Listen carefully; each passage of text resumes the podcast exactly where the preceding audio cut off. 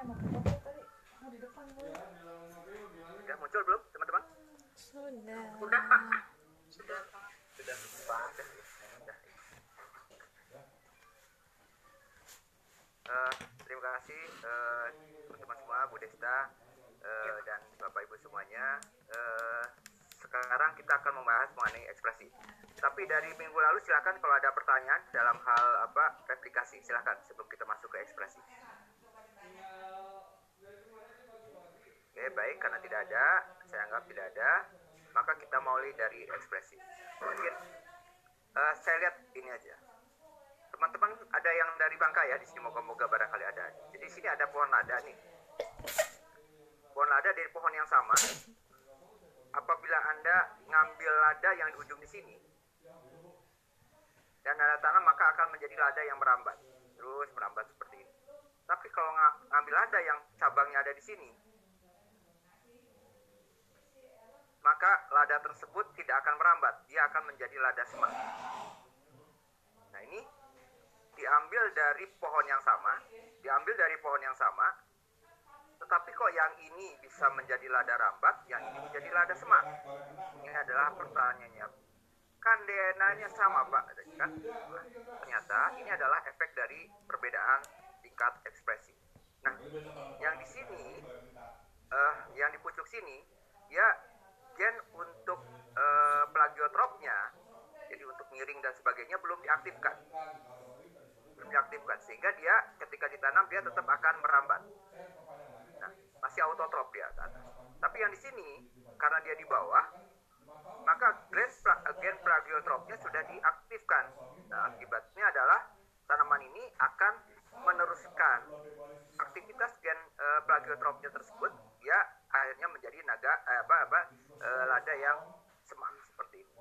Nah, itu adalah eh, ternyata apa namanya perbedaan ekspresi perbedaan ekspresi itu juga bisa menyebabkan perbedaan ferotip nah kita dalam hal ini jadi sekarang kita bisa memahami apa sebenarnya yang terjadi dengan ketika ada perubahan eh, lingkungan ada perubahan lingkungan dengan demikian kita melihat di sini adalah ada interaksi lingkungan umur tanaman dan sebagainya. Nah moga-moga dengan ini bisa membahas apa namanya memahami faktor-faktor yang terkait dengan apa namanya bagaimana tanaman-tanaman tersebut itu eh, bisa merespon perkembangan gen dan efeknya terhadap apa namanya terhadap eh, fenotipinya itu barangkali gambarannya nah di sisi lain ternyata ini bukan hanya apa efek dari eh, efek dari eh, ekspresi itu bukan hanya aktif dan tidak aktifnya saja, bukan hanya aktif dan tidak aktifnya saja, tetapi juga dia terkait dengan dosis. Seberapa aktif dia? Nah, seberapa aktif dia? Berapa banyak eh, apa proporsi eh, aktivitas gen tersebut? Nah, di sini sekarang kita bisa memahami eh, kenapa ada tanaman-tanaman yang diploid dan tetraploid. Ukurannya lebih besar yang tetraploid. Karena di tetraploid itu gen yang aktifnya dua. Dengan demikian maka itu bisa menyebabkan aktivitas eh, enzim terkait gen tersebut menjadi lebih tinggi. Akibatnya eh, apa efek dari ininya efek dari eh, enzim tersebut menjadi lebih besar nah contohnya ini gen ini adalah gen yang terkait 2OX1 2OX1 itu adalah gen yang terkait dengan eh, terkenal dengan eh, apa yang kita kenal sebagai revolusi hijau. Dia tuh memblok aktivitas dari eh, pemanjangan sel karena dia memblok aktivitas dari eh, GA3. Ini contohnya yang ini. Nah, ini adalah gambaran dari kalau kita ngambil DNA. Nanti kita lihat. Nah, yang ini adalah sebagian besar DNA. Ini ada apa? Yang ini adalah eh, tRNA. Ini ribosom RNA yang ini. Nah, ini ribosom RNA. Nah, eh, RNA messenger RNA-nya nggak tahu kelihatan. Jadi sebenarnya ribosom RNA yang sebagian besar. Tapi ketika dicek gennya, ternyata di sini yang wild type tidak ada eh, aktivitas gen, yang A3 aktivitas gennya sedikit, yang A, A13 sedikit, yang A7 eh, sedang, yang A16 sangat tinggi. Efeknya apa? Ketika tidak ada aktivitas gen tersebut, maka tingginya itu bisa 90 cm. Tapi ketika aktivitas gen tersebut itu menjadi eh, ada, walaupun dia sedikit, maka turun tingginya menjadi sekitar 70 cm. Tapi ketika aktivitasnya sedang, dia tingginya menjadi eh, 40 cm. Tapi ketika aktivitasnya sangat tinggi dari gen tersebut menekan eh, suppress atau menekan eh, aktivitas eh, kegiatan eh, pemanjangan sel dari GA3, maka eh, tinggi tanaman tersebut hanya 10 cm. Ini menunjukkan bahwa eh, yang berperan terhadap eh, fenotipik itu bukan hanya saja jenis gen yang diaktifkan seperti tadi ada gen pleiotroping apa namanya plagiotropnya dilakukan atau belum dilakukan ya kalau ada plagiotropnya udah aktif maka dia tidak bisa merambat ke atas. Dia hanya menjadi lada semak sementara di sini kita lihat juga bahwa faktor kedua adalah selain aktivitas adalah berapa besar aktivitas gen tersebut. Makin besar aktivitas gen tersebut makin sering gen tersebut diekspresikan eh, maka apa namanya efek dari gen tersebut phenotypically secara fenotipik dia menjadi lebih besar. Silakan kalau ada pertanyaan dari sini ini kelihatannya dasar sebenarnya untuk memahami ekspresi eh, eh, apa gen selanjutnya. Silakan. Prof izin bertanya Prof. Silakan, silakan. Eh, tadi kan kalau tanaman lada kalau diambil yang bagian atas dia akan eh, merambat, Ah, bagian bawah dia akan eh, eh salah ya kebalik ya. Jadi betul, betul, betul, betul, betul. betul. oh iya. Jadi Prof kalau misalnya tanaman yang dicangkok itu Prof Ya. berarti dia nan eh, misalnya diambil yang samping akan aktivitasnya akan ke samping juga ya Prof. Betul, betul, betul. Makanya Anda bisa kalau Anda nanti jadi penguasa pengusaha ini misalnya pengusaha bonsai, Anda ingin eh, cabang yang ke samping terus, ya pilihlah cabang ke samping. Sama misalnya pada kasus di manggis.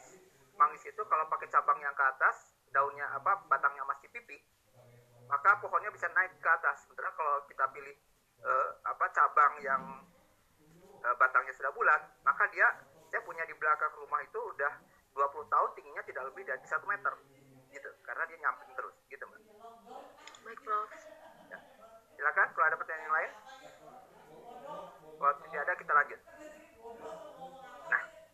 Nah ternyata RNA itu ada tiga DNA itu ada tiga kelas pada dasarnya gen itu ada tiga kelas gen itu ada tiga kelas kelas pertama adalah tadi yang paling banyak itu adalah kelas yang untuk membuat ribosom RNA. Kelas yang nomor dua adalah kelas yang nanti akan meng, apa namanya mengekspresikan karakter-karakter dari apa namanya eh, tanaman tersebut. Dan yang kelas ketiga itu adalah yang nanti akan membuat tRNA dan beberapa bagian-bagian ribosom RNA. Nah, di sini kita bisa melihat apa? Kalau kita bertanya, gennya ada berapa gen gitu kan? Gennya misalnya ada 40 ribu. Maka yang kita sebut gen 40 ribu adalah gen-gen yang ter, ter apa, berinteraksi dengan lingkungan dan sebagainya. Ini yang nanti akan menjadi messenger RNA atau mRNA. Sementara polimerase 1 nanti yang akan menjadi uh, ribosom RNA dan polimerase yang ketiga itu yang nanti akan menjadi tRNA. Nah, dengan demikian yang sebenarnya kita bahas semuanya ketika dalam proses pembulean itu adalah gen-gen kelas 2, yaitu gen-gen yang nanti terkait dengan uh, apa uh, karakter tanaman. Tapi sebenarnya yang paling banyak diaktifkan, yang terus-menerus diaktifkan adalah sebenarnya gen-gen kelas 1 dan kelas 3 karena proses-proses translasi harus terus dilakukan. Nah, jadi yang me- membuat gennya pun beda, apa memba- me- mem- me- mengekspresikannya beda.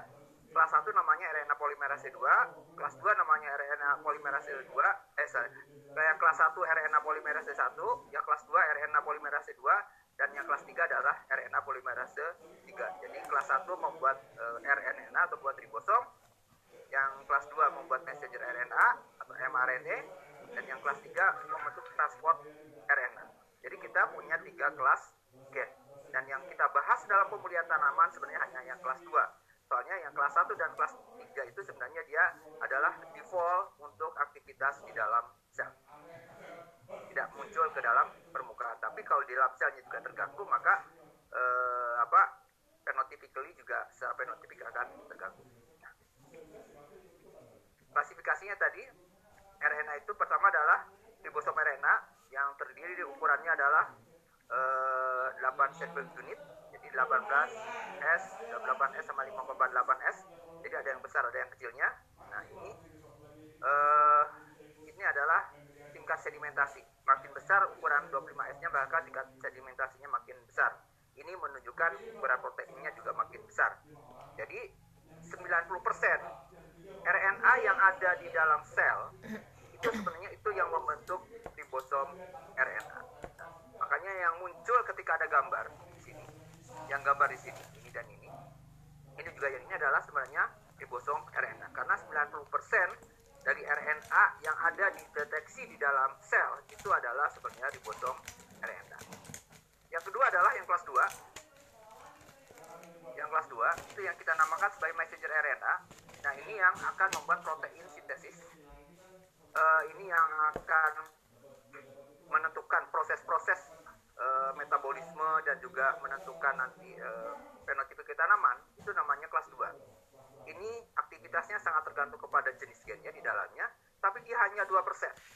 Anda lihat di sini, yang menentukan tanaman seperti apa itu hanya 2% dari RNA. Sementara yang 90% adalah menjalankan bagaimana proses dari uh, apa namanya pembentukan uh, apa protein di dalam sel. Lalu ada lagi transfer RNA.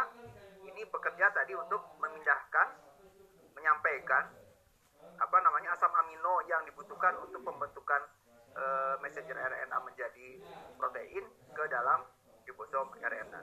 Ada lagi RNA seperti small nuclear RNA, uh, small nuclear nukleolar RNA dan mikro RNA ini tiga persenan. Nah ini adalah gunanya untuk menjamin proses-proses uh, apa namanya translasi dan sebagainya ini berjalan dengan baik. Ini adalah gambaran. Jadi ternyata ternyata yang menentukan sekali lagi ya, yang menentukan suatu uh, fenotipik tanaman atau juga yang menentukan proses-proses metabolisme dalam tanaman itu itu di apa diatur oleh 2% RNA. Yang 90%-nya adalah bagaimana itu bisa berjalan. Ini kelihatannya sama juga dengan di apa? Dengan di kehidupan sehari-hari bahwa yang namanya pemimpin itu sangat sedikit. Yang sebagian besar adalah yang menjalankan kebijakan dari pemimpin tersebut. Nah, di sini bagaimana informasi tersetras apa uh, di, disampaikan? Yang pertama adalah tadi informasi itu kan kita simpan dalam susunan bahasa RNA dan diekspresikan menjadi protein menjadi dua tahap. Yang pertama ini dalam ini ya, ini kejadiannya di dalam uh, eukariot bukan prokariot. Jadi prosesnya ada dua. Yang pertama adalah proses transkripsi, di mana informasi yang tadi ada di dalam DNA diekstraksi atau di apa namanya diambil atau di, di, digali itu menjadi messenger RNA. Nah lalu setelah itu menjadi manuskrip dari uh, pembentukan protein yang namanya eh, eh, apa, messenger RNA, lalu manuskrip tersebut, messenger RNA tersebut dipindahkan dari inti sel ke dalam sitoplasma. Nah di sana uh, messenger RNA tersebut menjadi apa blueprint untuk membuat protein-protein yang akan dibutuhkan di dalam proses uh, translasi namanya. Itu terjadi di dalam uh, ini, terjadi di dalam uh, namanya ribosom. Uh, di dalam uh, eukariot uh, proses transkripsi itu relatif kompleks. Karena ini sebenarnya yang nanti menentukan bagaimana gen itu bisa diaktifkan. Jadi ada yang namanya faktor-faktor transkripsi. Ini bagaimana faktor-faktor transkripsi itulah yang e, mengatur bagaimana tanaman tersebut itu bisa merespon kondisi lingkungan yang beragam. Sehingga kita bisa menyebabkan hanya bagian-bagian tertentu saja di diaktifkan tapi bagian lain tidak diaktifkan. Misalnya bisa menjelaskan eh, apa namanya bisa menjelaskan bagaimana di- bagaimana di akar itu tidak ada bunga atau sebaliknya di pucuk itu tidak ada akar. Nah, itu karena yang mengatur itu adalah tadi eh, faktor-faktor transkripsi. Nah, dengan demikian maka kita bisa mengatur bentuk tanaman itu menjadi lebih apa namanya fix terhadap eh, fit lebih fit apa lebih cocok sesuai dengan kondisi lingkungan. Nah, kalau di dalam ini kalau di dalam prokariot itu satu gen eh satu apa satu utas itu satu utas itu dia mengambang tidak di dalam apa ya sekali kalau prokariot itu kan tidak ada inti selnya dia mengambang satu utas itu bisa ada beberapa gen. Asal mulainya dari mana? Nah ini utas ini satu di sini sampai di sini. Nah, ada ini mulainya dari sini ini dari sini sini ada gini. Nah sehingga satu sekuen satu sekuen bisa menghasilkan banyak gen eh, banyak apa protein kita namakan polisistronic sementara di dalam eukariotik dari satu faktor transkripsi ini hanya akan eh dari apa dari daerah transkripsi ini hanya akan jadi satu asam amino rantai asam amino. Maka namanya disebut monosistronic nah kalau yang ini adalah eh, apa namanya polisistronic karena satu rantai satu utas ini RNA ini bisa jadi beberapa asam amino eh, rantai asam amino. Sementara kalau pada apa pada eh, eukariot dari satu eh, apa namanya daerah transkripsi atau transcription satu utas gen ini hanya akan menghasilkan satu eh, rantai asam amino. Gitu ininya bedanya. Ya. Kita lanjut lagi. Prosesnya bagaimana? Nah prosesnya tadi saya katakan tadi ada di sini akan terjadi proses transkripsi lalu diolah. Diolah. Nanti kita bahas setelah diolah ada capping ada splicing ada polyadenilasi Eh, lalu setelah menjadi messenger RNA di sini belum jadi messenger RNA Nah, namanya hetronuklear RNA nah karena masih ada intron dan exon hetero ada intron dan exon. Nah lalu setelah jadi bersih jadi messenger RNA baru dia dikeluarkan. Baru dikeluarkan itu menjadi eh, apa ke dalam sitoplasma. Dia akan ketemu dengan eh, apa namanya ribosom lalu diterjemahkan akan menjadi rantai asam amino. Sementara kalau di dalam prokariot seperti apa namanya bakteri dan sebagainya DNA-nya itu kalau ditranskripsikan ya di situ juga transkripsinya di situ translasinya juga di situ. Jadi lebih sederhana. Nah yang kita bahas adalah sekarang yang eh, di eukariot nah salah satu ciri eukariot adalah ada yang namanya membran inti sel. Membran inti sel itu apa fungsinya? Yang pertama adalah untuk melindungi DNA. Karena kan DNA pada eukariot kan banyak apa jumlahnya sangat besar, sehingga perlu kita lindungi. Nah, itu adalah eh, apa? Ini apa namanya? Ini interference ya, mechanical. Ini internya interference.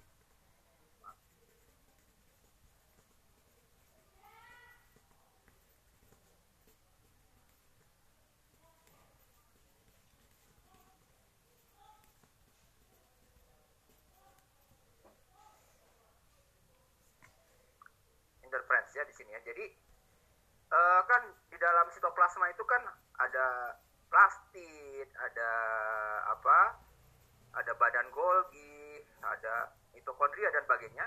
Nah, nanti kalau dia tidak dilindungi karena ukurannya panjang, maka dengan demikian si DNA yang ada di dalam kromosom itu bisa rusak. Kalau DNA dalam kromosom rusak, maka fungsinya untuk eh, menjaga apa namanya informasi genetik menjadi eh, terganggu. Dengan demikian, yang pertama tujuan inti sel adalah membran sel adalah untuk melindungi apa namanya untuk melindungi eh, tadi apa kromosom DNA yang ada di dalam kromosom. Yang berikutnya adalah untuk memproses RNA di dalam ini, ini terjadi proses RNA. Jadi kira-kira seperti ini. Nah sekarang ini ada dua utas DNA ditranskripsikan menjadi jadi menjadi RNA. Nah, RNA itu masih ada intron dan exon. Karena masih ada intron dan exon, maka kita namakan hetero hetero nuklear RNA. Jadi masih ada di dalam. Lalu diproses, tadi ada capping, ada splicing, sama polyadenilasi, baru dia menjadi messenger RNA. Setelah jadi messenger RNA, dia akan dibawa keluar ke sitoplasma, ditransportasikan dari inti sel ke sitoplasma. Nah, di sini baru kita proses menjadi asam amino, rantai asam amino dengan e, melibatkan dengan melibatkan ribosom. Gambaran seperti itu. Nah, lalu di sini messenger RNA-nya bagaimana? Nah, messenger RNA kan udah jadi nih, udah jadi apa? Begitu udah jadi asam amino di sini. Ya, messenger RNA-nya dihancurkan di sini menjadi tadi e, basa-basa lagi dibawa dibawa masuk lagi ke dalam untuk membuat RNA RNA yang baru gitu kira-kira ini dari asam amino akan menjadi protein. Protein akan melakukan proses enzimatik dan akan menentukan fenotipe tanaman. Nah lalu eh, bisa juga proteinnya rusak. Proteinnya rusak apa yang dilakukan? Maka protein itu kan dicacah lagi dibelah lagi menjadi asam amino. Asam aminonya digunakan lagi untuk membuat asam amino yang baru. Silakan kalau ada pertanyaan dari sini ini adalah dasar dari proses uh, kalau tadi adalah uh, filosofi dari ini uh, dari apa namanya ekspresi gen sekarang prosesnya dasar prosesnya itu. Jadi ada transkripsi ada translasi. Silakan kalau ada pertanyaan. Uh, izin bertanya prof. Silakan. Uh, untuk uh, sel prokaryotik sama eukaryotik tadi prof uh. itu kan ada yang namanya polisintronik ya prof polisintronik ya itu untuk menghasilkan lebih dari satu asam amino. Rantai asam amino bukan rantai asam oh, amino atau protein. Oh, rantai, rantai asam amino ya, Prof. Uh, beda sama beda sama monosinkronik ya, Prof. Monosinkronik ya. Uh, kalau untuk prosesnya itu Prof untuk polisintronik ini kan untuk sel prokaryotik ya, Prof ya. Ya, uh. Sehingga menghasilkan tiga rantai asam amino sedangkan yang untuk eukaryotik ini kan hanya menghasilkan satu ikatan asam amino. Ya. Nah, yang mau saya tanyakan itu proses akhirnya itu nanti setelah selesai ataupun rilis vektornya itu apakah sama prosesnya Prof untuk menghasilkan apa ke, untuk apa namanya untuk polisintronik ini polisintronik ini apakah sama proses akhirnya sama monosinkronik ini Prof? Ini kan kalau yang uh, terakhirnya itu kan ada nanti Prof yang namanya rilis vektor juga ya Prof? Oh nggak ada rilis vektor di sini. Oh nggak ada Prof ya? Ini kan betul-betul transkripsi. Eh, apa uh, apa uh, ekspresi gen nggak ada rilis vektor di sini sama sekali ini kaitannya dengan pembentukan sifat oh iya iya, iya. nggak ada kaitan dengan vektor ini betul-betul bagaimana suatu gen itu menjadi protein dari protein menjadi fenotipe tanaman gitu gitu ya oh, iya iya prof terima kasih prof silakan silakan kalau ada pertanyaan yang lain saya izin bertanya prof silakan uh, terkait dengan uh, gen gen kelas dua ini Prof yang sekarang sedang kita bahas. Uh, ini kan berarti maksudnya ke invisible in. Bisa invisible bisa tidak. Tapi uh, yang per oh, iya Prof. Nah, terus silakan. Um, um, apa? Berarti yang pertama kali digerakkan ketika uh, transkripsi ini yang pertama kali digerakkan ketika ada respon lingkungan itu berarti uh, ini ya Prof apa namanya faktor faktor transkripsi yang pertama kali. Iya, faktor transkripsi. Biasanya makanya ada yang disebut sensor. Jadi misalnya tanaman mengalami kekeringan, berarti kan ada sensor kekurangan air. Nah, sensor kekurangan air itu akan mengaktifkan gen-gen lain, akhirnya mengaktifkan gen-gen yang uh, apa merespon ta respon tanaman terhadap kekurangan air. Itu kira-kira ini. Nanti yang kita bahas, ya. Iya, ya, terima kasih, Prof. Ya, baik, kita lanjut ya. Nah, produk ini biasanya biasanya RNA itu panjangnya heteronuklear RNA panjangnya 10.000 sampai 20.000 e, nukleotida. Bayangkan ya. Dari 10.000 sampai 20.000 nukleotida.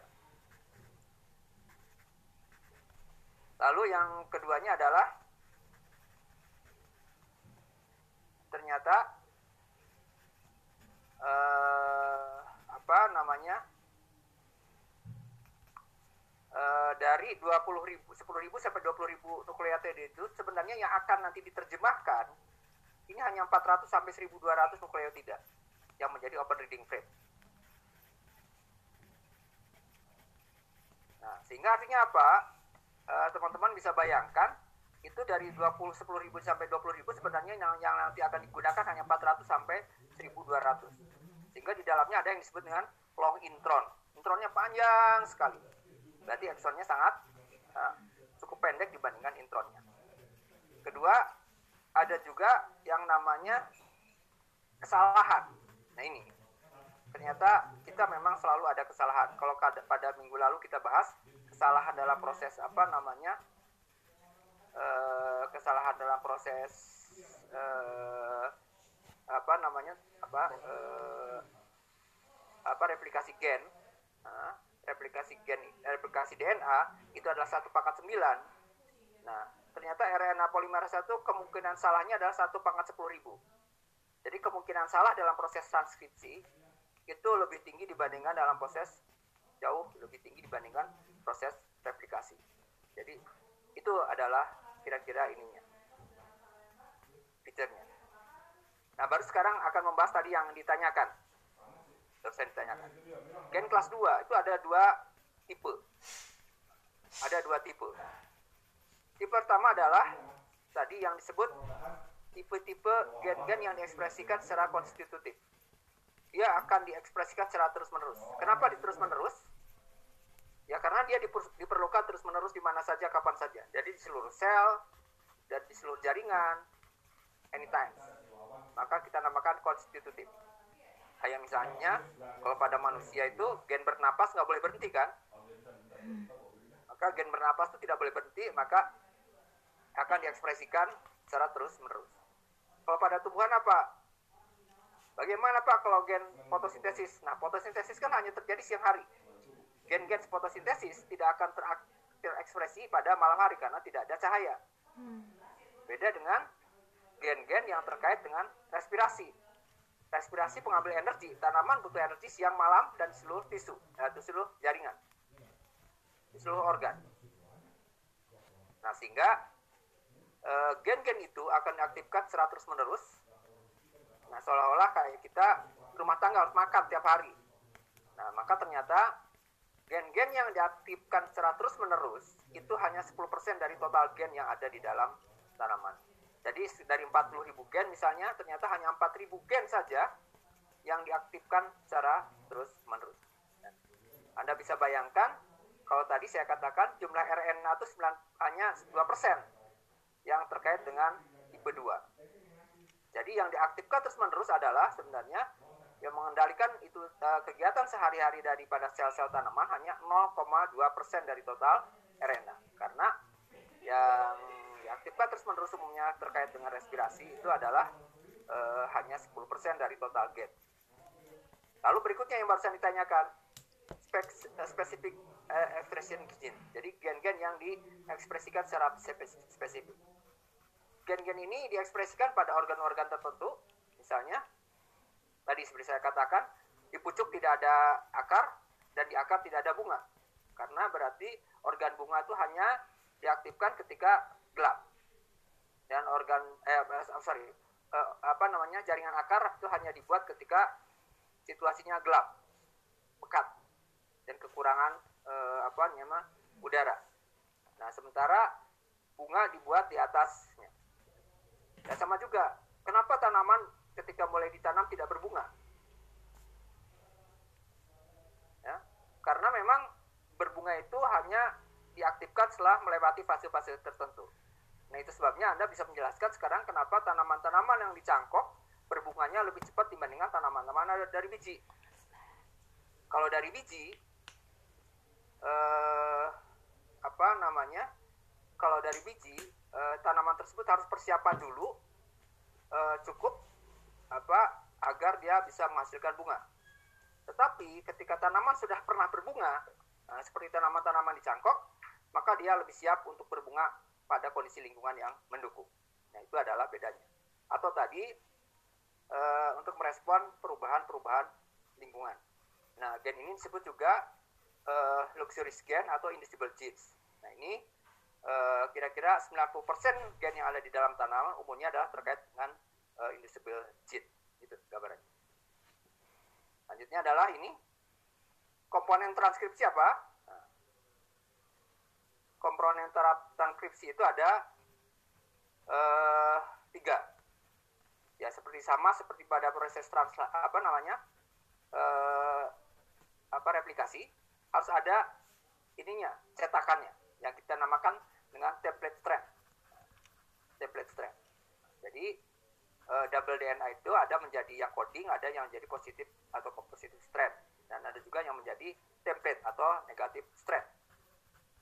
Lalu ada uh, penyusunan RNA-nya, ada urasil, ada adenin, ada sitosin dan ada guanin. Lalu ada enzimnya yaitu RNA polimerase 2 yang dan dan transacting protein. Itu yang penting juga transacting protein yang uh, jarang kita uh, bahas soal. Kita namakan juga ada generator transcript factor F2 dan TPP dan aktivator dan koaktivator. Ini mediator Jadi kita bahas ya. Nah jadi proses transkripsi itu seperti ini. Yang pertama ada pengaturan atau regulator yang jauh dari titik awal namanya distal, yang dekat dengan titik awal namanya proxima. Kalau titik awalnya di sini ya. Nah, lalu ada lagi promotor. Jadi yang dekat promotor proxima, yang jauh dari promotor namanya distal. Nah, setelah itu ini namanya cis acting factor. Jadi faktor penentu proses transkripsi yang ada di dalam sekuen gen tersebut. Nah, e, proses transkripsi hanya bisa berlangsung apabila ini ada pasangannya. Ada pasangannya yang kita namakan dengan transacting factor. Nah, ada lagi RNA polimerase 2. Jadi transacting factor itu akan datang ke sini. Nempel di cis acting factor. Ini pasangannya.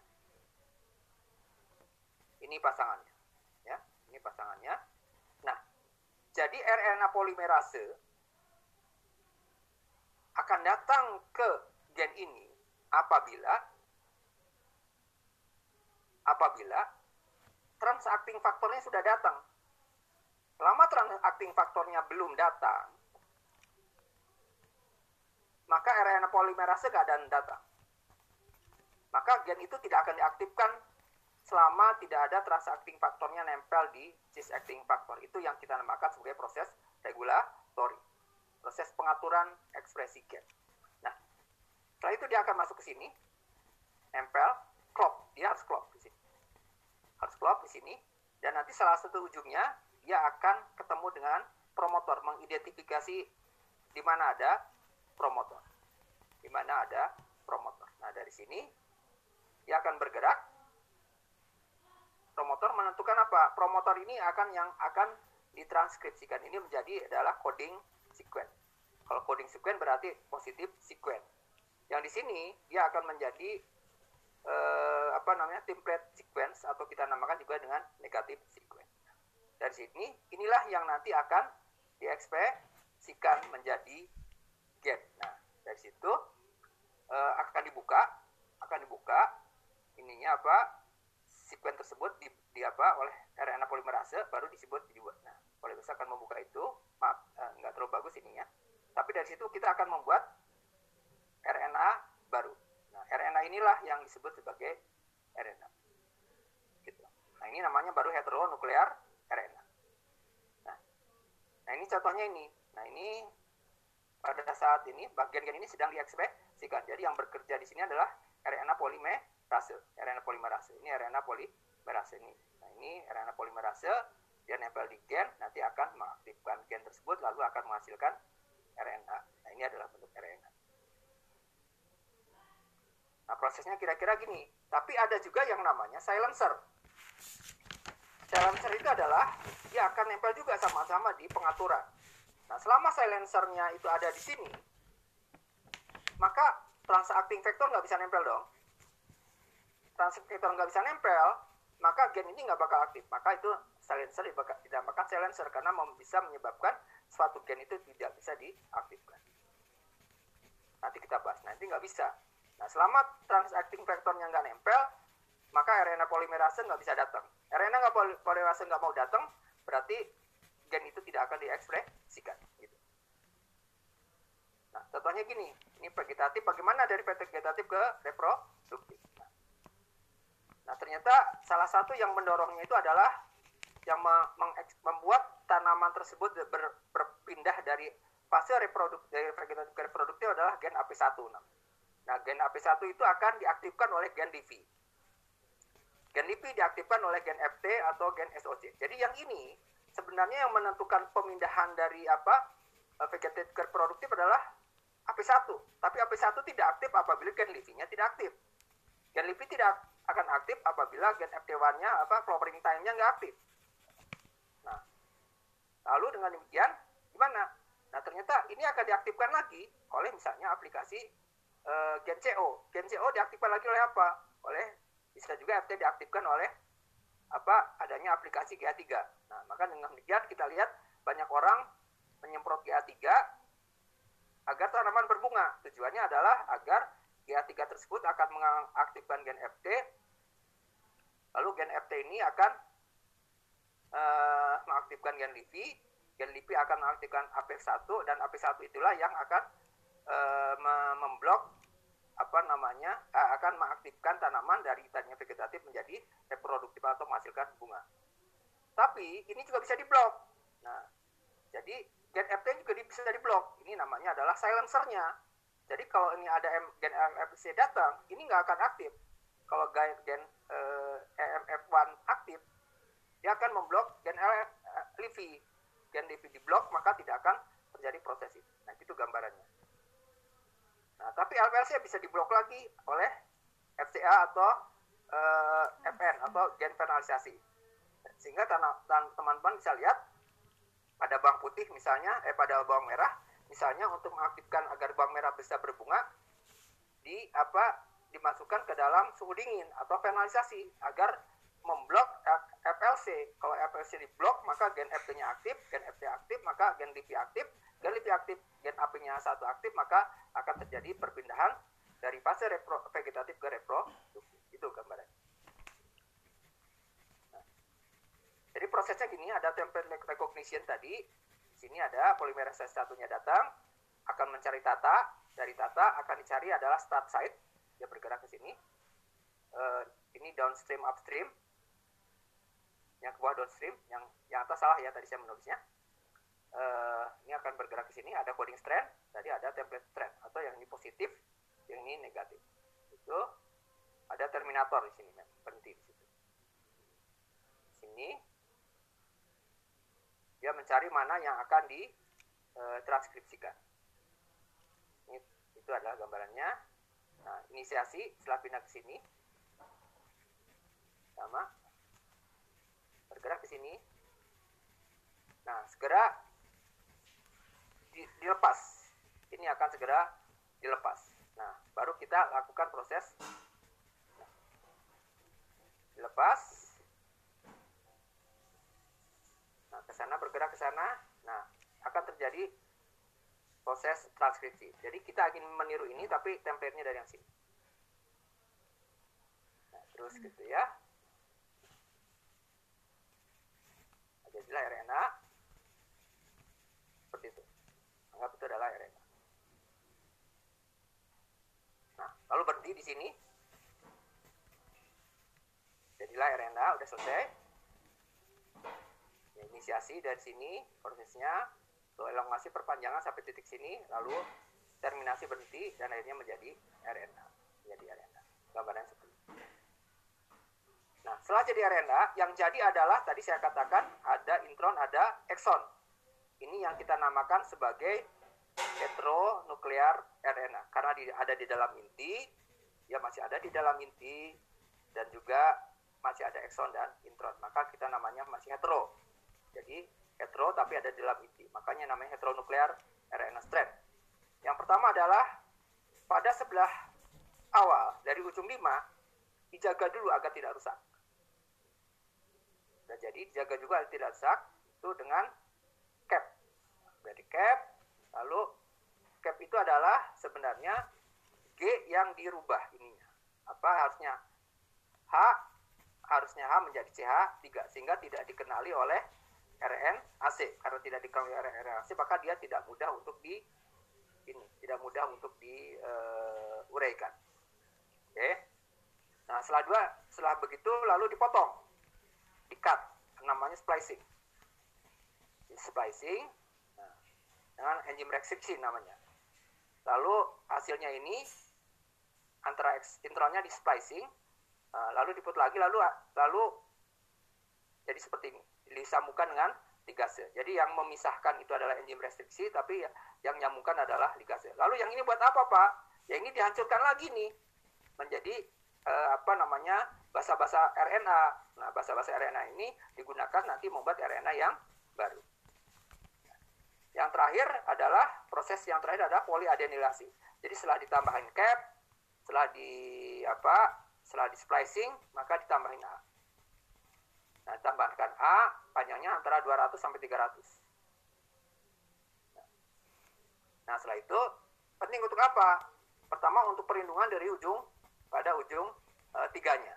Tapi juga dia berfungsi untuk membawa, nah ini ya, dia berfungsi untuk membawa eh, RNA tersebut dari inti sel keluar inti sel. Makanya ini kita namakan juga sebagai uh, apa namanya uh, transport apa namanya vektor dari faktor-faktor transport transport dari uh, inti sel keluar inti sel.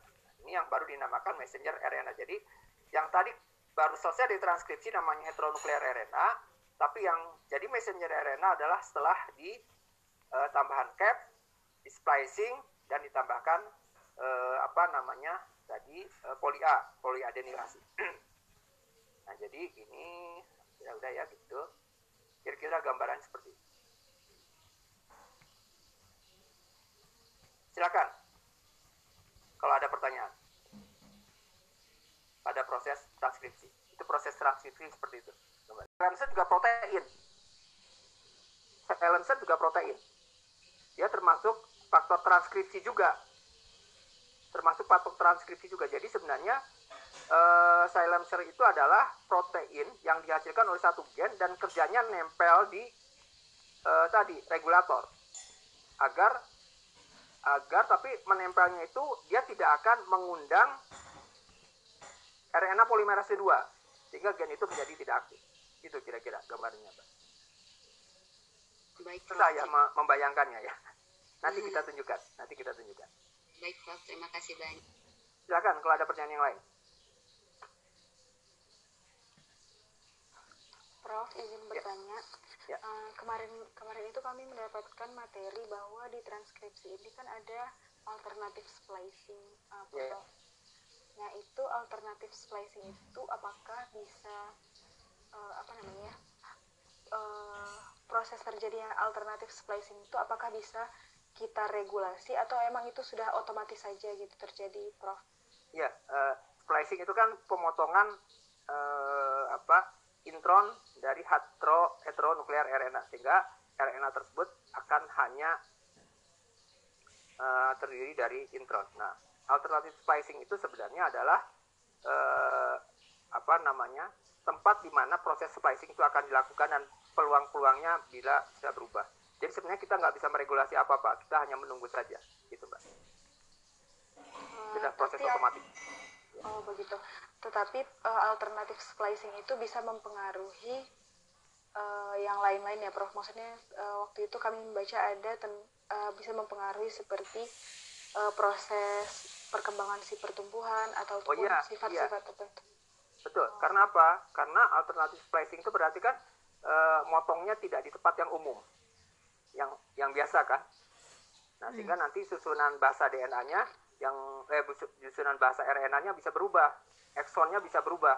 Kalau eksonnya berubah berarti produk dari eh, gen tersebut bisa berubah. Nah, kalau produk gen tersebut bisa berubah, maka proses-proses metabolismenya berubah, proses metabolisme berubah, tentunya pertumbuhan juga bisa berubah. Gitu, Mbak. Mohon, Prof. Ya, silakan kalau ada yang lain. Ya, Prof ya terkait tadi dengan distal proximal prof ya. itu apakah ada pola khusus prof ketika di distal dan proximal sehingga si transaktif faktornya itu mengenali dari DNA itu, Prof. Ya, jadi uh, ada ada ada makanya itu ada yang namanya uh, di dalam kalau di bahasa bahasa ini ada nucleotide binding site. Nucleotide binding site itu adalah sebenarnya nanti dia ketika dia jadi protein dia uh, kerjanya mengidentifikasi mana distal mana proksimal. Nah, sekali lagi faktor-faktor uh, itu sangat spesifik kepada gennya. Jadi tidak ada aturan khusus tapi dia uh, uh, apa namanya distal sama proksimal tiap-tiap gen itu berbeda-beda dan itu akan terkait dengan kesesuaian dengan uh, faktor transkripsinya. Jadi tidak ada pola-pola khusus. Tapi walaupun ada pola khusus biasanya nanti terkait dengan namanya polanya namanya nucleotide binding site. Jadi uh, ada pola pola-pola yang umumnya. General general apa namanya? General uh, uh, apa namanya? Uh, pattern itu yang kita namakan dengan kalau teman-teman nyari di apa publikasi-publikasi namanya NBS nucleotide binding site. Itu kira-kira mas. Saya lupa ininya nggak ingat ini apa namanya. uh, pola khusus dari nucleotide binding site. Jadi kalau ada nucleotide binding site-nya berarti gen itu tujuannya bukan untuk diaktifkan menjadi apa uh, me, me, me, kalau jadi kalau ada gen yang salah satu susunan bahasa RNA-nya adalah mengandung uh, eh, NBS, nucleotide binding site, berarti gen itu fungsinya tidak untuk proses langsung menghasilkan uh, apa suatu apa ya namanya uh, suatu metabolisme atau merubah fenotipik, tapi dia akan kerjanya mengaktifkan gen-gen yang lain. Gitu. Ini. Contohnya kinase, nah, gitu ya. Silakan kalau yang lain. Uh, Prof, uh, punten tadi masih terkait dengan alternatif splicing. Apakah kan ada uh, ada banyak mekanismenya alternatif splicing. Apakah suatu mekanisme itu dia menentukan suatu proses? Maksudnya gini, Prof. Misalnya proses uh, apa ya? Uh, saya lupa namanya, Prof. Tapi apakah seperti itu? Apakah satu satu mekanisme itu menentukan suatu proses di tumbuhan? Maksudnya Ya, jadi gini, hmm, satu ya. satu mekanisme uh, splicing itu akan menentukan titik yang berbeda kan, titik iya. tertentu. Ya. Oke, titik tertentu akan menghasilkan uh, produk yang berbeda juga dari produk yang titik yang lain. Nah demikian, maka nanti proses berikutnya yang juga akan berubah. Dengan demikian, alternatif splicing itu beberapa itu juga akan berpengaruh, bukan menentukan. Saya lebih suka mengatakan e, berpengaruh terhadap proses-proses selanjutnya karena kan prosesnya sangat panjang gitu kan berpengaruh ya tapi apakah menentukan sekali belum tentu tergantung kepada nanti kesesuaian dengan gen-gen yang lain. Gitu mbak. Ya, kalau tidak ada kita masuk ke translasi. Ada tRNA dan asa, ada asam amino jadi yang dilakukan pertama adalah ini. Kan yang membawa fungsi tRNA tadi sekali lagi membawa asam amino di dalam sitoplasma itu ke dalam uh, ribosom ke dalam ribosom ya. membawa tRNA apa messenger RNA apa namanya uh, tadi apa namanya uh, asam amino ke ribosom nah yang pertama apa yang dilakukan maka si tRNA tersebut harus dimuati diisi dengan kan dia membawa ya kalau kita anggap membawa itu dia uh, uh, mobil bak gitu ya atau truk berarti harus dimuati dulu dengan uh, asam amino. Setelah itu dia akan dibawa ke apa namanya ke messenger RNA, nah ke ribosom.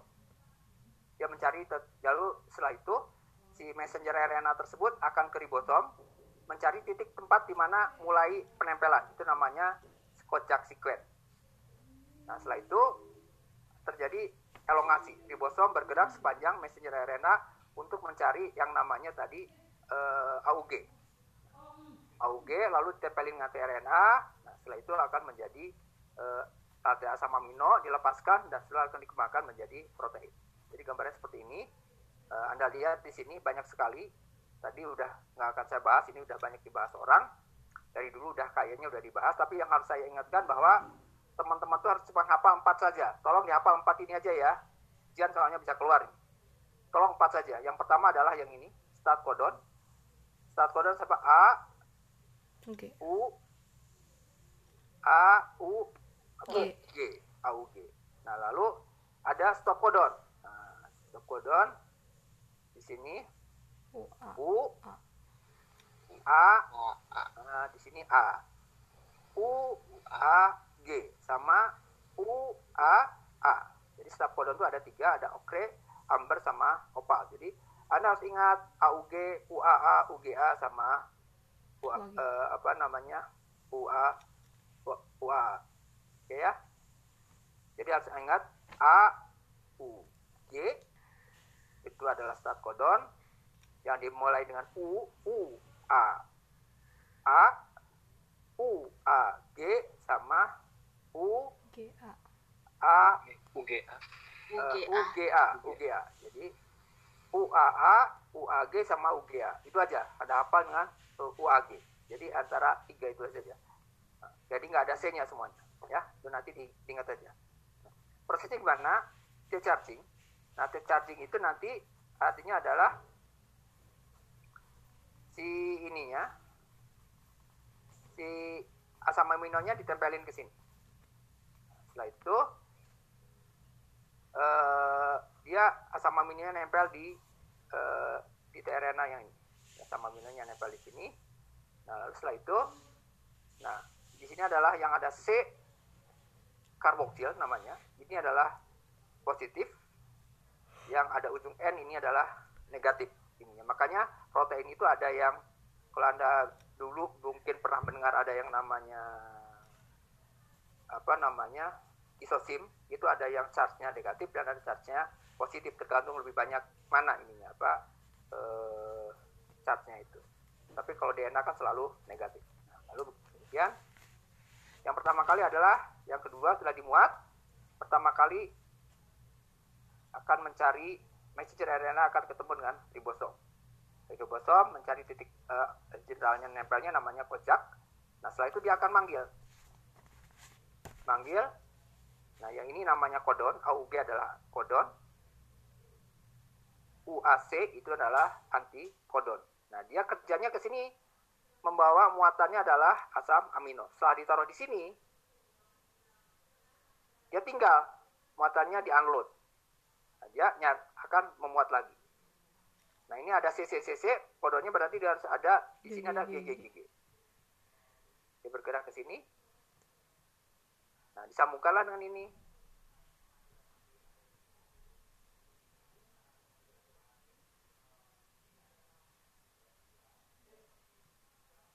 Terus?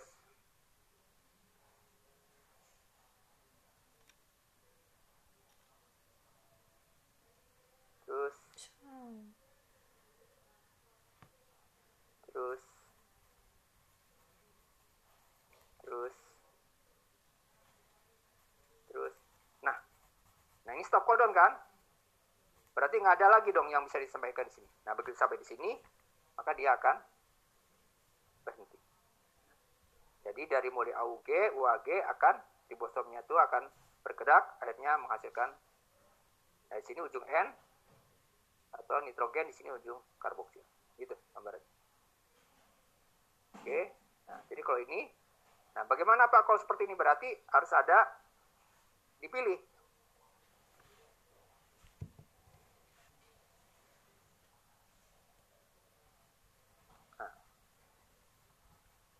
Itu caranya.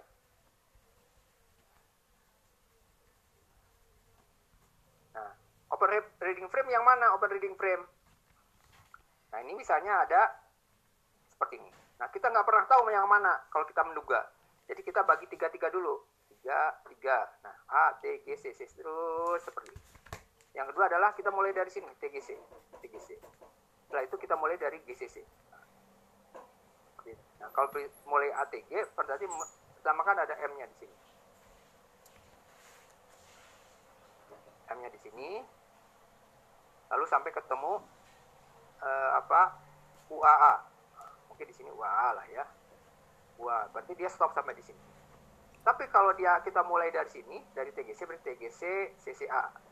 Terus ternyata di sini udah ada stop codon. Ah, berarti nggak mungkin. masa M-nya ada di sini? Nah, nggak mungkin. Kalau kita mulai dari GCC, stop codanya udah ada di sini. Jadi kemungkinan besar yang akan diekspresikan adalah dari tiga alternatif ini adalah yang silakan kalau ada pertanyaan dari sini. Prof izin bertanya Prof. Ya. Mengenai tRNA charging kan tadi kata, eh, seperti mobil bak ya Prof ya. Berarti masing-masing dari tRNA ini bawa satu rantai asam amino apa yang tadi ada 64 yang asam amino itu di bawah semua apa sih? Enggak, enggak gini, gini. Jadi sebenarnya tadi kan ada 64 kemungkinan kan? Oke ya. Ternyata yang tiga tidak dipakai dong, karena dia menjadi stop codon. Berarti ada berapa kemungkinan lagi? 61 kemungkinan. Berarti sebenarnya ada 61 tRNA. Ada 61 tRNA. Tetapi setiap satu tRNA, setiap satu tRNA itu setiap satu tRNA akan apa namanya? Setiap satu tRNA akan hanya membawa muatan spesifik. Jadi kalau saya ke sini ya. Satu tRNA akan membawa muatan spesifik, yaitu adalah satu asam amino. Jadi satu tRNA satu asam amino. Saya mulai ke sini ya.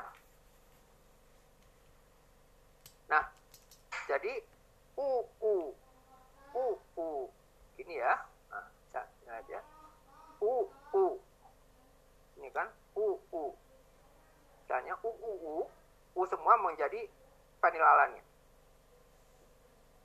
Sama juga dengan U, UC, mau juga fenilalanin. Jadi ternyata ada satu asam amino dibawa oleh lebih dari satu tRNA. tRNA itu ada 61. tRNA itu ada 61. Tetapi ada satu asam amino dibawa oleh lebih dari satu tRNA. Jadi UUU sama UUC itu pasti bawanya cuma fenilalanin, tidak bisa membawa yang lain. Tapi kalau UUA lalu UUG sama tadi C apa pun, CUG, CUA, CAA, CUU itu pasti mau bawa leucin. Jadi ada yang spesifik satu, itu yang namanya metionin, itu hanya AUG, itu hanya membawa satu saja metionin. Tapi yang namanya, uh, sorry, metionin itu hanya dibawa oleh AUG. Tapi leucin itu bisa dibawa oleh UUA, UUG, CUU, CUC, CUA, dan CUG. Itu mas ini. Jadi satu apa? Satu satu satu tRNA hanya akan membawa satu asam amino. Tapi satu asam amino bisa dibawa oleh beberapa tRNA, gitu. Silakan, jelas. Jelas Pak. Ya. Silakan yang lain, Bang ada. Saya Prof izin bertanya, Ya, silakan. Eh, tadi kan kalau untuk proses translasi uh, antikodon dibawa oleh tRNA. Kemudian Ya. kalau misalnya di- kita bandingkan dengan transkripsi, Prof kan transkripsi juga monomernya ditambahkan ya. Ya, ah. Tapi yang pembawa monomernya itu apa, Prof? kalau pembawa monomernya itu ya ini apa RNA polimerase 2. Oh ya, Prof. Ya. Kemudian satu lagi, Prof, mengenai open reading frame Nah. Itu paham, Prof. Kenapa ada open reading frame? Karena tidak semuanya messenger RNA itu akan menjadi akan menjadi apa namanya akan menjadi ditranslasikan. Jadi bagian messenger RNA yang ditranslasikan itu yang namanya open reading frame. Besarnya seperti apa tidak jelas. Ada yang kadang-kadang open reading frame-nya itu lebih besar daripada daripada UTR-nya. Pokoknya open reading frame itu adalah bagian messenger RNA yang dimulai dengan AUG dan diakhiri dengan stop codon gitu. Karena itulah yang akan ditranslasikan. Nah, jadi pertama tuh yang dicari pertama oleh si apa oleh si eh, ribosom itu adalah tadi sekuen AUG dari messenger RNA. AUG pertama itu dinamakan sebagai start codon. Tapi AUG berikutnya enggak. Enggak disebut start codon. Jadi metionin itu bisa berkali-kali, tapi metionin pertama itulah yang disebut sebagai start codon. Gitu, Mbak. Silakan kalau ada yang lain. Eh, izin bertanya, Prof. Silakan. Eh, saya masih bingung juga Prof untuk open reading frame ini. Jadi Ya. untuk yang nomor satu ini kan ada ATG itu disebut dengan huruf besar M. Eh, untuk angka-angka ah, maaf untuk huruf-huruf besar ini ini didapatkan dari mana ya Prof? Karena saya lihat kalau untuk A sendiri nah, yang nomor tiga itu kan uh, sequence-nya GCC, sedangkan yang nomor dua itu untuk G-nya sendiri G besarnya itu GGT. Itu untuk bisa memastikannya tuh huruf-huruf besar ini gimana ya Prof? Masih bingung saya Prof.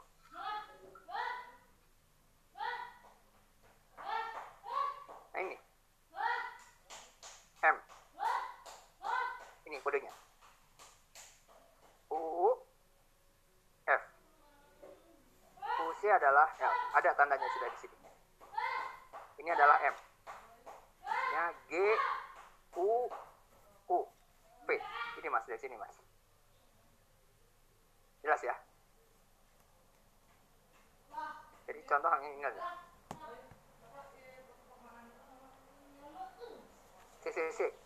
Kita cari CCC. CCC. C. C. C. C.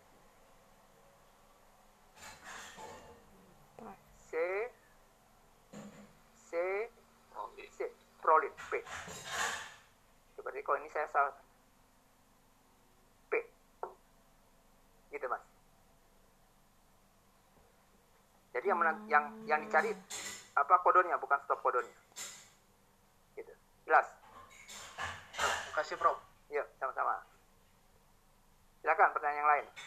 Saya Pak Silakan, eh, silakan. tadi terkait apa start codon itu. Jadi kalau kita mungkin punya punya apa urutan gen misalnya uru- apa kode kode DNA apa Ah, ah. kan tadi kak Pak Bapak bilang bahwa untuk start codon itu bisa muncul berkali-kali gitu Pak ya. Nah Ya, itu ah, tapi yang muncul pertama bahwa- kali itu yang start codon. Ya, artinya kalau misalkan dalam bahasa apa dalam kode gen kita kita punya, terus ada beberapa AUG yang muncul. Nah, untuk menentukan awal itu yang gimana pak ya? Yang pertama, AUG pertama. Oh, berarti yang paling kiri lah gitu ya? Ya, ya, ya. Oh, oke oke oke. Terima kasih pak. Oke, silakan yang lain. UG di kodon yang keempat. Kemudian berjalan terus sampai menemukan stop kodon misalnya UGA. Ya, Kemudian nanti eh, apakah eh, kodon-kodon seterusnya itu sudah tidak diterjemahkan lagi Sudah atau tidak, sudah tidak. udah- ketika udah jadi menemukan metionin. Enggak, jadi oh dari sekuen itu dimulai dari stop codon pertama metionin. Jadi sebelum metionin itu nggak nggak diperhatikan sebelum metionin itu. Itu yang kita namakan UTR, untranslated region. Lalu ketemu metionin terus bergerak sampai ketemu eh, UGA, UAS atau UAG. Stop codon. Nah setelah stop codon berhenti di situ, sekuen maupun ada MM berikutnya itu nggak di nggak dianggap lagi. Gitu. Jadi yang disebut eh, yang Oh, namanya ya, open reading frame dimulai dengan metionin yang pertama dan diakhiri dengan stop codon yang pertama. Gitu. Jadi begitu ada berarti ada kemungkinan nanti UTR-nya sangat panjang ya Prof? ada ada bisa dibuang. sangat panjang, bisa sangat panjang, nggak masalah. Baik di awal maupun di akhir. Ya. Baik Prof, terima kasih. Yuk, sama-sama. Oke, ada pertanyaan lain nggak? Kalau nggak ada, kita lanjut ke eh, apa namanya protein folding. Nah, nah setelah jadi ini, setelah jadi dan jadilah rantai asam amino. Rantai asam amino akan dilakukan adalah tadi protein folding. Jadi asam amino ini akan dijadikan protein. Lalu di pack seperti ini, setelah di pack seperti itu, maka akan menjadi protein. Nah, ini adalah akhirnya lepas seperti ini. Nah, jadi ini adalah struktur pertama, struktur ketiga, struktur keempat ini bisa bergabung dengan protein-protein yang lain. Itu kabarnya seperti itu. Jadi eh, itu akan di pack. Ada mesinnya protein folding di dalam eh, sel. Jadi yang penting adalah ini fungsi dari kelas itu apa? Nah, ada eh, fungsinya. Yang pertama paling banyak adalah tadi transacting factor. Transacting factor itu mengaktifkan atau silencekan gen yang lain. Ini ya, yang pertama adalah menjadi fungsi, berfungsi dia. Berfungsi, dia akan mengaktifkan atau memblok aktivitas gen yang lain. Bisa activate atau silence, silence other genes. Yang kedua adalah menjadi enzim. Menjadi enzim berarti dia mengakselerasi, mengakselerasi proses-proses biokimia. Kedua dia menjadi struktural, dia menjadi protein apa di situ. Dan ketiga adalah menjadi transport. Dia akan membawa eh, apa bahan-bahan yang akan dibutuhkan oleh sel maupun tanaman. Dan yang kelima, dia akan eh, yang paling banyak juga dipelajari ini adalah protect body from brain invaders. Jadi bisa menjadi tadi eh, apa namanya tuh eh, phytoalexin dan sebagainya. Atau menjadi struktur. Jadi menjadi eh, apa namanya menjadi benar jadi protein itu, itu akan nanti yang dihasilkan bisa jadi menjadi uh, pembentuk sel. Lalu ada juga nanti uh, menjadi membran atau dia terlarut. Nah terlarut untuk apa contohnya? Terlarut untuk menjaga ini terlarut untuk menjaga uh, stabilitas dari uh, turgor sel misalnya. Itu kira-kira gambar seperti itu. Jadi kalau saya gambarkan begini ini misalnya ada satu gen, gen itu bisa menjadi transacting factor, nah, jadi atau bisa menjadi silencer. Jadi bisa menjadi aktivator, menjadi menjadi silencer. Ini namanya faktor-faktor transkripsi. Jadi sebagian besar gen itu aktivasinya tidak sebagai fungsi yang tadi yang saya bahas barusan, tapi lebih banyak sebagai transacting factor atau silencer. Ini namanya faktor-faktor transkripsi. Nah, yang kedua, fungsi kedua adalah tadi menjadi enzim. Menjadi enzim atau juga dia misalnya enzim yang menyebabkan kalau ada enzim ini tanaman menjadi rentan. Saya boleh memperkenalkan S-gene, gene. Nah, atau dia akan membentuk sesuatu yang lain menjadi enzimnya tersebut. Dia akan bergabung dengan gen yang lain. Bergabung dengan gen yang lain akan mengaktifkan uh, bunga. Nah, Anda lihat ada satu gen dia menghasilkan enzim. Enzim itu dia bisa terkait dengan apa kerentanan.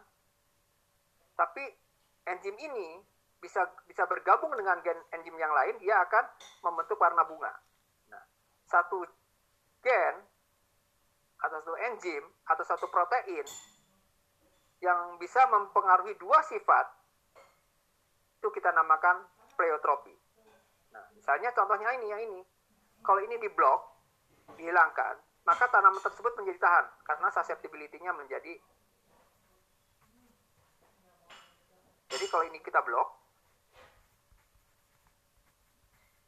kita silencing atau kita rusak, maka ini menjadi dia menjadi jadi tahan, menjadi tidak rentan. Tapi efeknya kalau ini diblok, maka ini juga ikut diblok. Nah, maka warna kuningnya juga ikut diblok. Nah, gen yang memiliki dua fungsi itu kita namakan dengan pleiotropi. Gitu. Nah, kalau Anda ingin coba mempelajari yang ini, tadi yang ini vegetatif tadi kita sudah bahas sedikit, bahwa vegetatif ke reproduktif itu terkait dengan GA P2W. Kalau ada GA, berarti akan mengaktifkan FT, flowering time. Ini menjadi faktor transkripsi. Ada flowering time akan mengaktifkan gen LIFI. Gen LIFI akan aktif berarti akan mengaktifkan gen apeta lawan. Gen apeta lawan dia fungsinya sebagai uh, enzim awal sehingga dia akan merubah dari vegetatif ke reproduktif. Tetapi apabila dia ini masuk di sini, nah, seperti itu. Nah, TV itu diblok oleh gen EMF atau early apa uh, maturity flowering. Nah, diblok oleh ALF EMF, maka LIVI ini tidak akan aktif. Selama LIVI ini tidak akan aktif, nah ini adalah silencing fungsinya. Karena dia menutupi menutupi gen LIVI. Selama gen LIVI ditutupi, maka dia tidak akan diaktifkan si apeta lawan. Maka tidak terjadi proses vegetatif ke reproduktif. Nah, coba lagi GT Penway. Nah, ini bisa diblok juga dengan FLC Kalau di blok FLC, maka ke bawahnya juga nggak akan terjadi. Kalau ini di blok, maka LIPI nggak diaktifkan, apeta lawan nggak tidak diaktifkan, maka vegetatif tetap vegetatif tidak menjadi reproduktif. Atau peluang berikutnya. Terus, nah tapi kita dinginkan.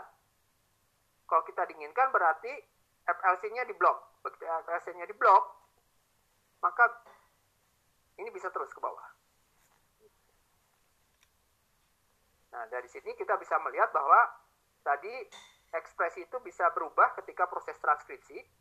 DNA menjadi netronuklear RNA, lalu bisa diganggu juga pada proses kon, apa uh, processing dari mulai tadi apa capping, splicing hingga ke ini, splicing hingga ke apa namanya uh, ke adenalesis sehingga dia menjadi messenger RNA.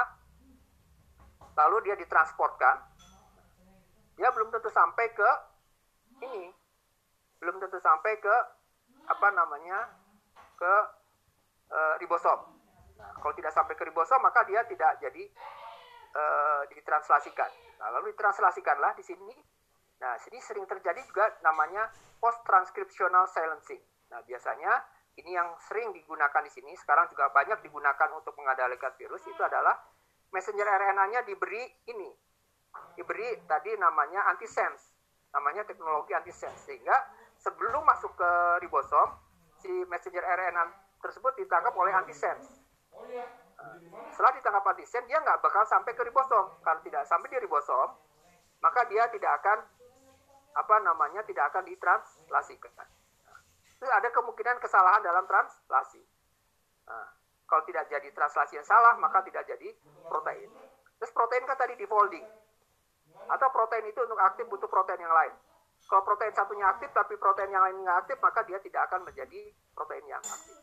Itu kira-kira gambaran kontrol secara keseluruhan dari proses transkripsi. Silakan kalau ada pertanyaan. Saya, Prof. Silakan.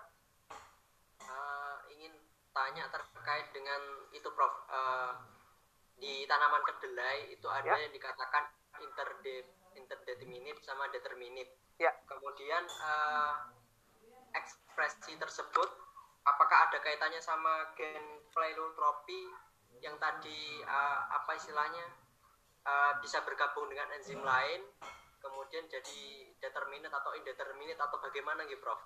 Jadi pada determinate sama indeterminate itu dikendalikan khusus oleh gen yang terkait dengan sistem pembungaan.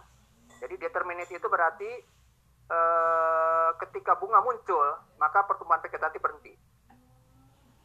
Sementara indeterminate itu adalah ketika bunga muncul, pertumbuhan vegetatif masih bisa berlanjut sehingga uh, pertumbuhan tinggi tanaman masih terus berlanjut. Jadi nggak ada kaitannya dengan pleiotropi yang seperti ini. Mungkin dikendalikan determinate sama indeterminate adalah kaitannya dengan uh, laju pertumbuhannya saja, gitu kira-kira. Tapi beberapa tempat memang ada yang mengatakan bahwa tanaman-tanaman uh, yang misalnya uh, kehilangan gen tertentu misalnya pada tanaman apa yang saya baca itu uh, ketika dia susceptibility-nya di blok maka tanaman tersebut menjadi lebih kuntet karena tadi gen pertumbuhannya menjadi ikut dirusak gitu. Jadi tidak belum tentu terkait dengan pleiotropi tapi memang ada gen yang mengendalikan uh, tadi determinate sama indeterminate seperti juga pada uh, apa namanya pada tomat bisa gitu mas. Baik prof. Ya silakan yang lain. Oh izin bertanya. Silakan Nah, kan saya juga pernah dengar Prof kalau bunga mawar itu kalau yang durinya tidak ada itu kan jadi tidak wangi Prof. Ya. Yang berduri apakah itu juga termasuk pleistosom seperti itu Prof? Jadi ada kemungkinan itu bisa juga bisa pleiotropi. Jadi wangi itu terkait dengan gen apa namanya uh, gen duri. Jadi kalau tidak ada duri berarti tidak wangi. Itu kemungkinan pertama. Kemungkinan kedua yang mungkin nanti akan dibahas banyak oleh Pak Supur itu adalah e, bahwa gen wangi dan gen duri, gen wangi sama gen duri itu apa namanya gen wangi sama gen duri itu dia gennya berdekatan. Gennya berdekatan sehingga kalau ada gen duri gen wanginya juga ada. Tapi kalau gen durinya tidak ada gen wanginya jadi ikut nggak ada. Jadi ada dua kemungkinan kemungkinan pertama memang pleiotropi tadi bahwa genduri juga mengendalikan wangi atau kemungkinan yang lebih besar lagi adalah yang uh, kelihatan banyak adalah ada ada namanya kita jarak genetik yang uh, dekat atau kita namakan nanti uh, linkage apa namanya terpaut. Jadi gen wangi terpaut dengan gen berduri. Jadi kalau tidak ada duri berarti tidak ada gen wangi. Nah dengan demikian seperti itu kira-kira gambarannya. Jadi ada kaitannya dengan struktur, tapi ada kaitannya juga dengan uh, apa ekspresi. Gitu. Silakan yang lain. Saya Prof izin bertanya lagi. Ya, ya, ya, silakan. Iya, baik Prof. Terima kasih. Uh, terkait dengan tadi uh, di bahasan pasca translasi Prof. Ya. Ini kan kita ada imunisasi nih. Ya. Proses imunisasi ini bisa terkait dengan mekanisme post translation nggak Prof? Artinya ketika kita kan imunisasi itu untuk diinduksi untuk mengekspresikan gen ketahanan kita. Kemudian gen ketahanan kita sudah terekspresi pernah ada dalam tubuh. Jadi ketika penyakit datang menyerang itu dia sudah ada tapi ketika penyakit tidak ada itu dia tidak aktif tapi sudah ada gitu terkait seperti itu nggak imunisasi itu uh, itu beda imunisasi betul seperti anda katakan bahwa uh, kita diimunisasi sebenarnya menginduksi sesuatu uh, untuk melawan kalau ada penyakit. Ini terjadi juga pada tanaman. Jadi pada tanaman. Nah, jadi ketika ada makanya kita suka menggunakan kalau anda pernah dengar non patogenik pada tanaman non patogenik sarium misalnya. Jadi tanaman itu di apa disemprot dengan non patogenik fusarium sehingga tanaman seolah-olah dia mengalami perasa di dalamnya itu ada fusarium sehingga dia menghasilkan antibodi untuk fusarium entah bentuknya apa saya nggak tahu persis nah akibatnya ketika fusarium datang beneran maka tanaman itu menjadi lebih tahan itu sebabnya beberapa tanaman itu adalah eh, apa kalau diberi dengan PGPR atau plant growth rizobacteria itu mengaktifkan sistem pertahanan. Jadi kalau itu sih bukan uh, apa post transcription silencing. Itu lebih karena memang defense mechanism, mekanisme pertahanan. Jadi kita juga sama. Kita mem, uh, kalau kita misalnya uh, apa diimunisasi sebenarnya kita mengaktifkan sistem pertahanan kita walaupun penyakitnya belum datang. Jadi ketika penyakit yang sebenarnya datang, kita sudah bisa mengusir penyakit tersebut. Itu gambarnya. Tapi kalau yang namanya post transcription silencing adalah ada dua. Yang pertama adalah ketika messenger RNA-nya itu punya antisense-nya. Sehingga messenger RNA itu segera bernempel dengan antisense. Itu yang dilakukan pada upaya membuat tanaman tahan terhadap virus pada uh, ini. Uh, pada apa namanya? Uh, pada pepaya ring spot virus. Jadi kita buat antisense dari virus. Jadi ketika virusnya datang, ketika virusnya datang, itu uh, dia akan mengeluarkan RNA dong. Karena virus itu kan sebenarnya untuk membangun dirinya dia meminta si apa, meminta si apa namanya uh, si tanaman tersebut, meminta si tanaman tersebut untuk memproduksi dirinya. Makanya si tanaman itu caranya bagaimana kita buat. Jadi ketika virus masuk, dia buat kita buat anti antisense virusnya ya, antisen virusnya sehingga kita virus masuk ke dalam sel maka si antisen tersebut akan nempel sehingga virusnya tersebut tidak bisa mencapai ribosom. Ketika virus tidak bisa mencapai ribosom maka si virus tersebut tidak bisa memproduksi virus-virus yang baru. Itu adalah prinsipnya. Itu yang namanya antisense yang kedua antisense teknologi. Yang kedua itu ada yang namanya ketika overekspresi overekspresi itu dia kebanyakan gen yang sama. Akhirnya uh, si ribosom itu menjadi bingung mana yang diaktifkan. Itu sebabnya kalau Anda melakukan proses transgenik itu diharapkan uh, pitanya cuma dua. Nah, karena kalau pitanya cuma satu sampai dua, kalau pitanya lebih, nanti ada rebutan untuk memproduksi uh, apa sekuen tersebut. Akibatnya tidak terjadi. Itu namanya post transcription uh, silencing. Itu mas. Silakan kalau ada pertanyaan yang lain. Izin bertanya, Prof. Silakan. Terkait uh, steril mutan pada tomat uh, saya pernah menemukan uh, dalam beberapa dalam satu populasi itu ada satu tanaman dia uh, sudah menjadi uh, mengalami pembungaan tapi si bunganya malah kembali uh, menjadi berkembang menjadi daun. Apa itu juga ada peran silencer yang tadi EMF1 itunya pak? Uh, mungkin enggak itu lebih ke arah karena eh, tadi ada kemungkinan tadi mungkin salah di apa alternative splicing atau tanaman-tanaman tersebut memang dia eh, menjadi bunga seperti sekarang Anda bisa lihat sekarang kondisi lingkungannya mendukung. Jadi sekarang tuh misalnya eh, pohon mangga itu sudah berbunga tiba-tiba di ujungnya ada daun lagi. Itu lebih karena kondisi lingkungan memaksa tanaman yang tadinya mau berbunga eh, tadi lebih memaksa kembali lagi ke pertumbuhan vegetatif. Jadi ada yang ngeblok gitu kan. Bisa aja bisa EMF atau yang lain-lain gitu. Terima kasih. Silakan kalau yang lain.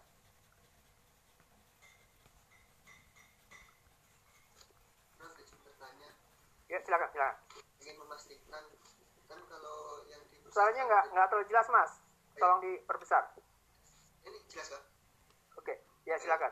Iya.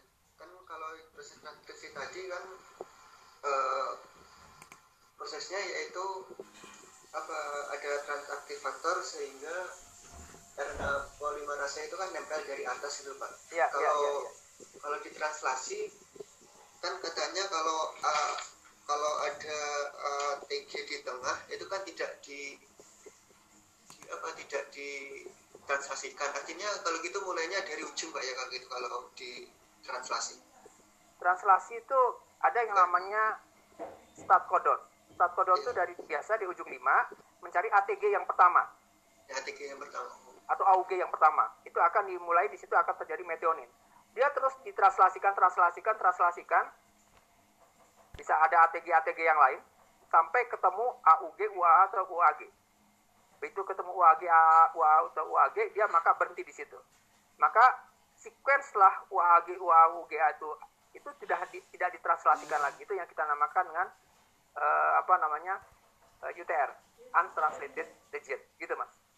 Yang tengah tadi tidak ditranslasikan Pak ya gitu. Apa? Yang di tengah, ATG yang di tengah Oh, enggak, tetap ditranslasikan. Enggak, Lalu tetap apa? ditranslasikan. tidak mulai gen baru Pak ya. Bukan, bukan gen baru. Gen Oh. ATG, stop, start kodonnya selalu ATG yang pertama. Yang dari pertama. Oh, Iya. siap. Kalau gitu dari kiri mulainya. Ya, Terima dari kasih kiri Pak. Yuk, sama-sama. Silakan, yang lain. Saya Pak, Ya, silakan, silakan. ini terkait terkait penulisan ini sebenarnya eh, hanya eh, penulisan aja Pak. Eh, Ya. Itu sebenarnya penulisan gen itu apakah huruf kecil atau huruf besar Pak? Karena kan saya lihat ada yang besar semuanya, ada yang kecil itu Pak. Nah, itu besar sama kecil menunjukkan dominan sama resesif. Oh. Berarti Kalau huruf besar itu resesif. dominan, kalau resesif itu kecil. Jadi kalau A besar A besar berarti dua-duanya dominan, homozigot dominan. A kecil A kecil dua-duanya kecil berarti eh, homozigot eh, resesif. Tapi kalau A besar A kecil itu namanya adalah huruf besar huruf kecil itu di Bukan itu yang terkait nama gennya Pak. Misalkan gen apa hurufnya kapital semua misalkan singkatannya. Ada yang Oh itu pakai- kebiasaan aja, itu kebiasaan aja karena Oh, singkatannya berarti nggak ada. ada sepertinya ini ya, seperti eh, itu adalah tergantung dari perannya. Dan biasanya itu adalah itu yang dominannya. Misalnya tadi eh, eh, apa gen EMF, EMF itu singkatan dari Early Maturity Flowering. Ya. Jadi kalau itu kan eh, itu kan dominan. Jadi kalau dia ada EMF berarti karena dia singkatannya EMF gitu kan. Gitu. Jadi EMF Early Maturity Flowering. Jadi nah ternyata Iya. kalau dia rusak dia menjadi cepat. Nah maka ma- maka dia menjadi gennya gen eh, dominan. Itu gambarannya mas. Tergantung singkatan itu dari Oh, singkatan gitu dari ya. gen yang apa namanya peran yang dikendalikan oleh gen tersebut. Gitu mas. Oke oke Pak. Makasih Pak. silakan yang lain. Biasanya kalau Livi itu nggak LFP-nya kecil. Karena apa? Itu Livi jadi di itu di, di apa? Di apa? Di tidak Livi-nya tuh tidak L, L besar semua Livi silakan yang pertanyaan yang lain kalau ada pertanyaan. Prof izin bertanya. Ya silakan. Eh, eh, mungkin eh, ini lebih eh, apa namanya ingin mengetahui gitu Prof. Tadi sangat Ya. menarik di bagian translasi Eh, kalau misalnya kita dari awal ingin mengetahui suatu gen itu bagaimana ya Prof Eh, proses awalnya gitu Prof apakah kita misalnya dari melihat sequence terus kita bisa terjemahkan atau bagaimana ya Prof prosesnya ya untuk melihat gen biasanya ada namanya eh, apa yang dilihat utama adalah peran dari gen tersebut. Peran dari gen tersebut itu eh, biasanya apa namanya eh, itu tersusun ter, apa namanya eh, apa namanya sorry dia akan tercermin akan tercermin akan tercermin dari eh, apa namanya akan tercermin dari apa susunan dari bahasa DNA-nya, bahasa RNA-nya. Bahasa DNA-nya lah, bahasa DNA-nya. Nah, bahasa-bahasa DNA tersebut misalnya tercermin dari fungsinya. Misalnya kalau tadi dia eh, banyak fungsinya sebagai faktor transkripsi berarti sebagian besar dia akan apa namanya akan berada banyak mengandung yang namanya ini apa namanya eh, kita namakan sebagai tadi apa nucleate binding site. Nah dari situ eh, apa namanya? Maka kalau susunannya nucleate binding site-nya ada di situ, kan sudah ada apa namanya konsensus sequence namanya atau eh, yang kita biasa dicari kalau cari anda lihat di daring-daring itu apa di online itu di database itu kita sebut sebagai eh, kon, apa namanya concert sequence untuk itu. Nah kita bisa lihat dari situ concert sequence dari situ anda buat carinya di situ lalu anda minta ke program untuk menerjemahkan. Di mana ada di mana uh, ininya apa namanya di mana ada start kodonnya di mana stop kodonnya itu bisa dicari di situ. Tapi yang jelas kita harus melihat dulu dicari dulu dari yang sudah ada sebenarnya dia fungsi gennya apa. Dan ini banyak dilakukan dengan namanya sekarang uh, penelitiannya kita sebut sebagai uh, ini apa namanya uh, apa uh, gen analog gen analog. Jadi kita misalnya mencari gen tahan terhadap penyakit fusarium pada tanaman bawang. Nah kita belum tahu tuh ada di mana. Maka kita cari gen tahan terhadap fusarium pada tanaman-tanaman lain sudah di yang sudah di apa yang sudah dipublikasikan. Maka dari situ kita cari sekuen yang mirip yang ada pada tanaman bawang. Nah di situ kita akan mendapatkannya kira-kira demikian gambarnya Ya, baik, mohon Prof. sama-sama silakan kalau ada yang saya belum ngisi ini ya sebentar ya. Saya harus ngisi ini dulu. Ini belum nilai daftar daftar kelas ada yang ngajar. BAP BAP BAP saya jadi anda belum bisa absen ya? Sebentar ya saya saya siapkan dulu. Lupa saya tadi lupa belum ngisi BAP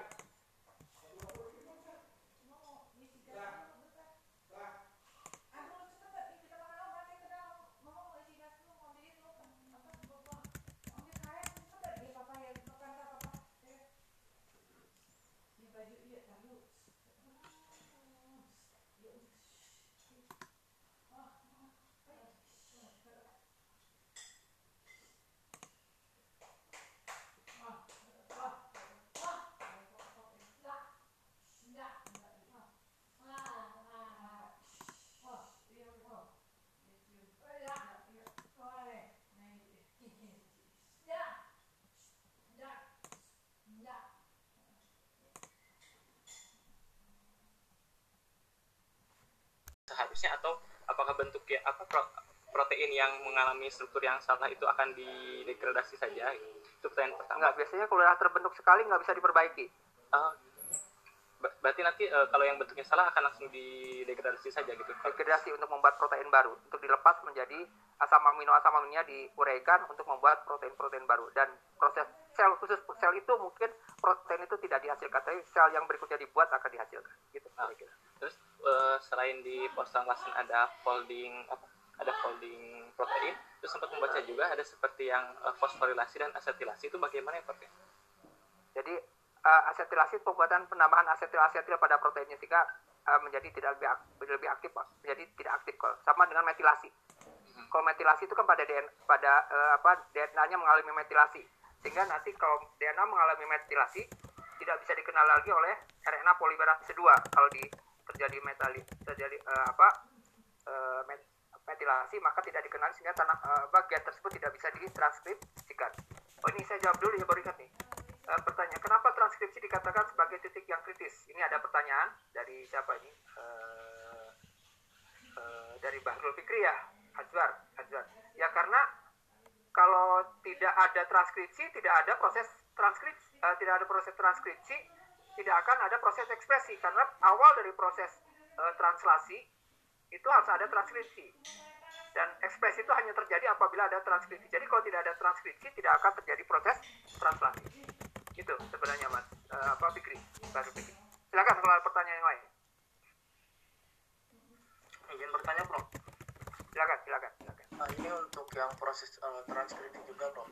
Itu kan awalnya proses transkripsi dimulai dari inisiasi yang mana start coding itu kan dimulai dari ATG ya, Bro. Nah, oh, itu itu itu translasi, Mas. Oh, itu translasi ya, Bro.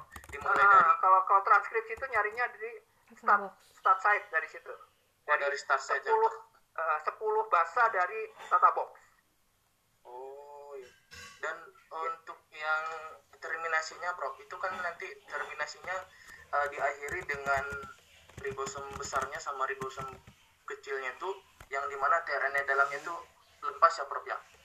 Oh iya, itu pada proses translasi. Kalau itu pada proses translasi.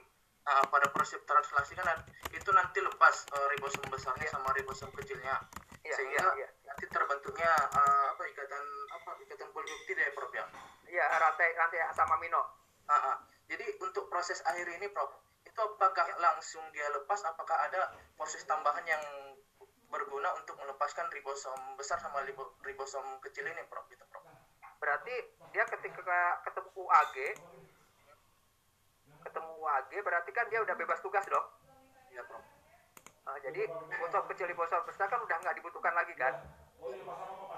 Nah, setelah itu memang ada proses lain eh, setelah itu. Jadi cuma dia lepas nyam, jadi UAG datang eh, ketemu dia ketemu UAG UA atau UGA, maka dia akan ini akan apa namanya akan lepas dari sekuen asam amino eh, sekuen messenger RNA tersebut. Nah setelah itu memang ada proses-proses tambahan dia akan melepas ikat apa namanya ribosom besar dengan ribosom kecil. Jadi ada proses tambahannya, tapi yang pertama lepas dulu dari sisi translasi yang penting adalah lepas dulu gitu mas.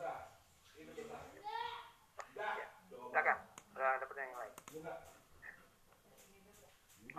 Kalau tidak ada, waktunya juga sudah. Anda harus istirahat dulu untuk uh, praktikum, untuk uh, uh, pelaksanaan praktikum berikutnya ada Bu Desta dan Pak Arya ke depan ini uh, beberapa menit ke depan. Kalau begitu dari saya akhiri dulu ya uh, kuliah hari ini uh, dan saya sekian.